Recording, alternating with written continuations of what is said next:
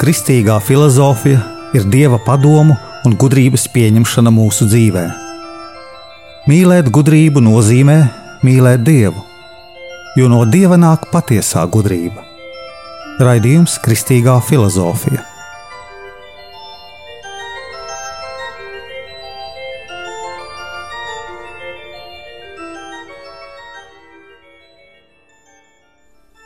Es esmu Jānis Valtrvitenheims un ar jums ir 38. lekcija Kristīgajā filozofijā.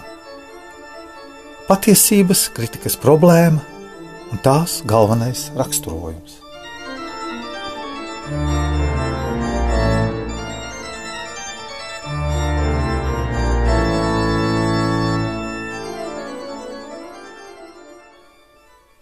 Mēs sevī bieži jūtam negatīvu īpašību fonu. Slinkums, negusība ēšanā, seksuālās fantāzijas, diezgan bieži naudas kāre un mīlestība pret mantām. Dvēsele nedzīvo tikai tieksmei uz miesas baudu. Lai kā mēs dzīvojam, mūsu gars mūs aicina uz baznīcu, kur mūsu dvēsele vēlas sarunu ar Dievu. Vai varam mēs izbaudīt pasaulē visas kārības un būt apmierināti? Nē, dvēselē ir tomēr ar to par maz. Dvēselē vajag dievu. Dvēsele skumst, tiecas pēc dzīvā dieva. Mūsdienās cilvēks bieži cenšas izrauties no ikdienas un sāk lietot alkoholu, narkotikas, kas ātri nogalina ķermeni. Pazudušais dēls saprata, ko viņam vajadzēja - tēvu. Otram dēlam vajadzēja taisni mīsīgo baudu, dzīvojot ar tēvu kopā savā mājā. Viņš par to laikam sapņoja, varbūt apskauda savu brāli, ka viņam tēvs deva gan savu mantojuma daļu, gan to, ka viņš varēja iet pasaulē un izbaudīt visas mīsīgās baudas. Jaunieši bieži lepojas ar savu grēku.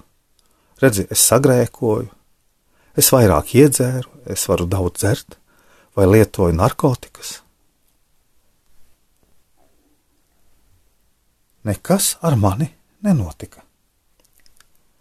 Cilvēks iet pa ielu un viņam pretī daudz dažādu interesu Viņš redz skaistas mašīnas, vitrīnu skatlogus, sievietes, un cilvēks to iekāro. Divi cilvēki kopā zog, dzer alkoholu, varbūt piekauj kādu cilvēku sit viņam, bet viens to dara ar prieku, otrs dara negribēdams un saka: dod Dievs spēku to visu nedarīt. Līdzīgi bija arī diviem slepkavām pie krusta kopā ar Jēzu. Kad mūsu gribā ir gudrība, mēs it kā gribam ko iegūt, neko nezaudējot. Gribam kristieša vērtību augļus, bet negribam dzīvot kā Kristus. Mēs gribam uz sava ikdienas galda svaigus, garšīgus augļus, bet negribam viņus audzēt.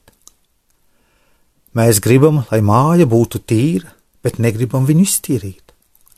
Mēs izsaucam dienestu, kas iztīra mūsu māju, bet pat maksāt par to mēs nevēlamies. Labāk, lai par to samaksā mūsu tēvs, māte vai darbs. Dvēselē mēs gribam būt svēti, gribam garīguma augļus, bet negribam darīt darbus. Mēs gribam iet uz grēka sūdzi, bet negribam attīrīt savu sirdi pilnībā no grēka, lai neietu vairāk sūdzēt atkal to pašu grēku. Labi, ja nevarētu, bet mēs negribam to savas sirds dziļumos. Tāda ir mūsu brīvā griba, dieva dota, kuru izmantojam mēs kā vēlamies.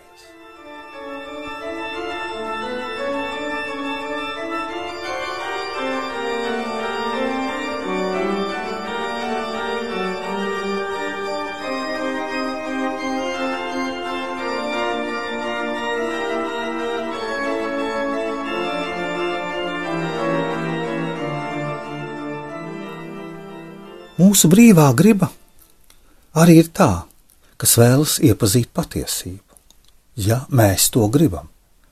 Daudziem varbūt vienkārši to negribās.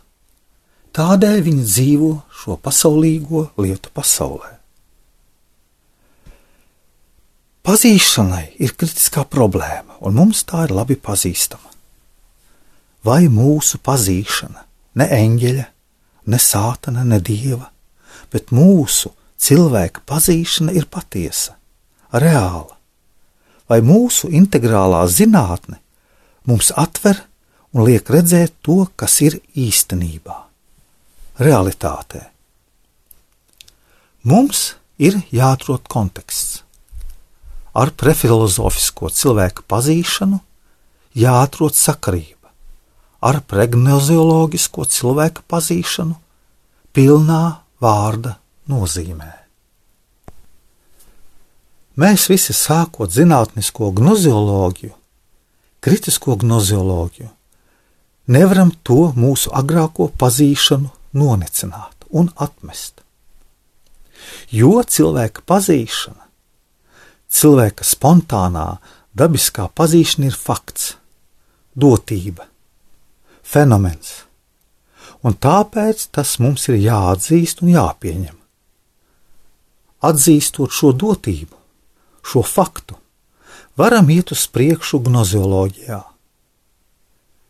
ja kas grib būt gnoziologs, atmetot faktu, tad viņš jau izdara milzīgu kļūdu.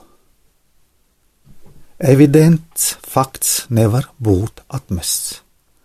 Ja šodien ir diena, un es saku nē, ir nakts, tad pretī dotībai es nevaru tā izturēties. Tā ir liela kļūda, maldīšanās, un tāpēc lai gnoziologs nemaldītos, viņam ir jāatzīst, jāpieņem cilvēka pazīšana kā preeksistējošs, kā iepriekš esošais fakts. Pieņemot šo faktu, mums jāatrod pareizā prāta noskaņa. Sākot ar šo noskaņu, kritiskās problēmas atrisināšanu, mēs nonāktu pie filozofiskās ausmas, rīta blāzmas tā blāzma ieiet rīta gaismā un vēlāk dienas gaismā, dienas spožumā. Kā to izdarīt? 17. gadsimtenī franču filozofs Renē Dekarts to darīja, atzīstot vispārējās reālās šaubas tā, ka viņš iekritis šīs reālās šaubās, jutās tik slikti, ka veica svētceļojumu pie diamātas bildes lai dievmāte atbrīvotu viņu no šīm mokām. Sākt tā, kā sāka Emanuels Kants, šauboties par cilvēka pazīšanu, un izējot no šīs vispārējās šaubīšanās un reālās šaubīšanās, radot tā saukto transcendentālo ideālismu ar tīra prāta kritiku.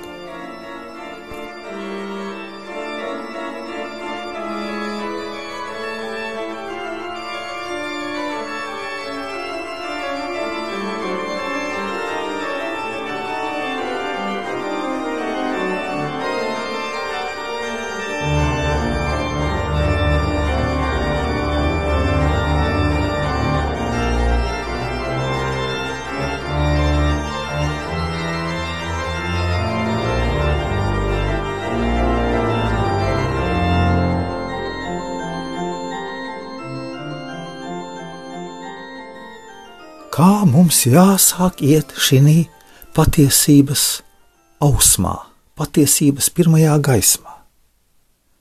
Jāsāk tā, lai mēs maz pamazām ietu rīta spožā gaismā, vai arī būs otrādi. Mēs, sākot ar šaubām, ietu iegrimt ar vien vairāk un vairāk Nīčes domāšanā, nīčeisma tumsā aptumšots un Kristu kā dzīves un kultūras bezdibenī mūsu gars. Šī ir nopietna, liela problēma. Tāpēc, izraisot šo problēmu, mēs varam sākt pazīšanas kritiskās problēmas izraisīšanu. Mums ir jāsāk ar konstatēšanu, ka cilvēka patiesības pazīšana ir fakts. Acīm redzams, nenoliedzams, evidents fakts. Tāpēc arī lielais filozofs Aristotelis teica, ka visi cilvēki dabiski slāpst zināt, pazīt. Svētais Akvīnas Toms to uzsvēra atkārtoti savos darbos, atzīstot, ka cilvēkam ir dabiskā dziņa, dabiskās slāpes pazīt patiesību.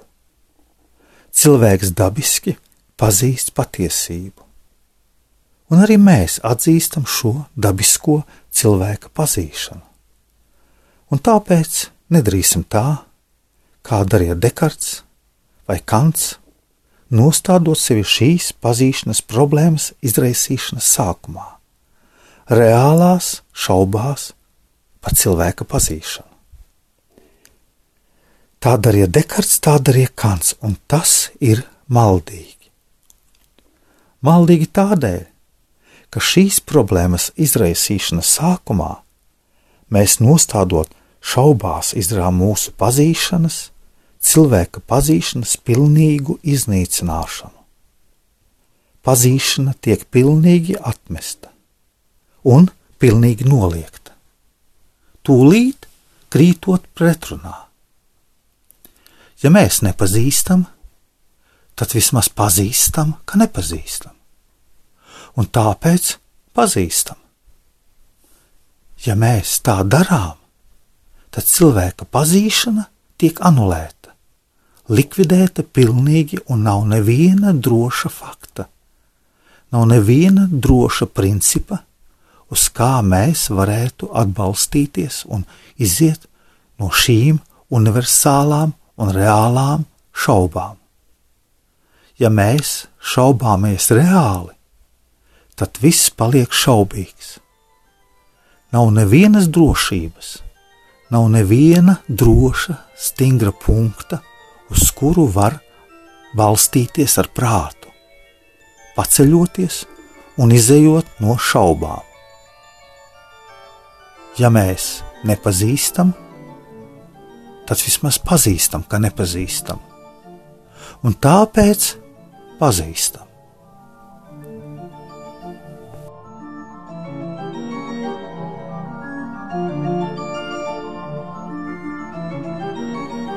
Es esmu Jānis Valtra Vitsenheims, Jeruzalemes Kristus kapa ordeņa bruņinieks. Un ar jums bija 38. lekcija Kristīgajā filozofijā par patiesības kritikas problēmu un tās galvenajiem raksturojumiem.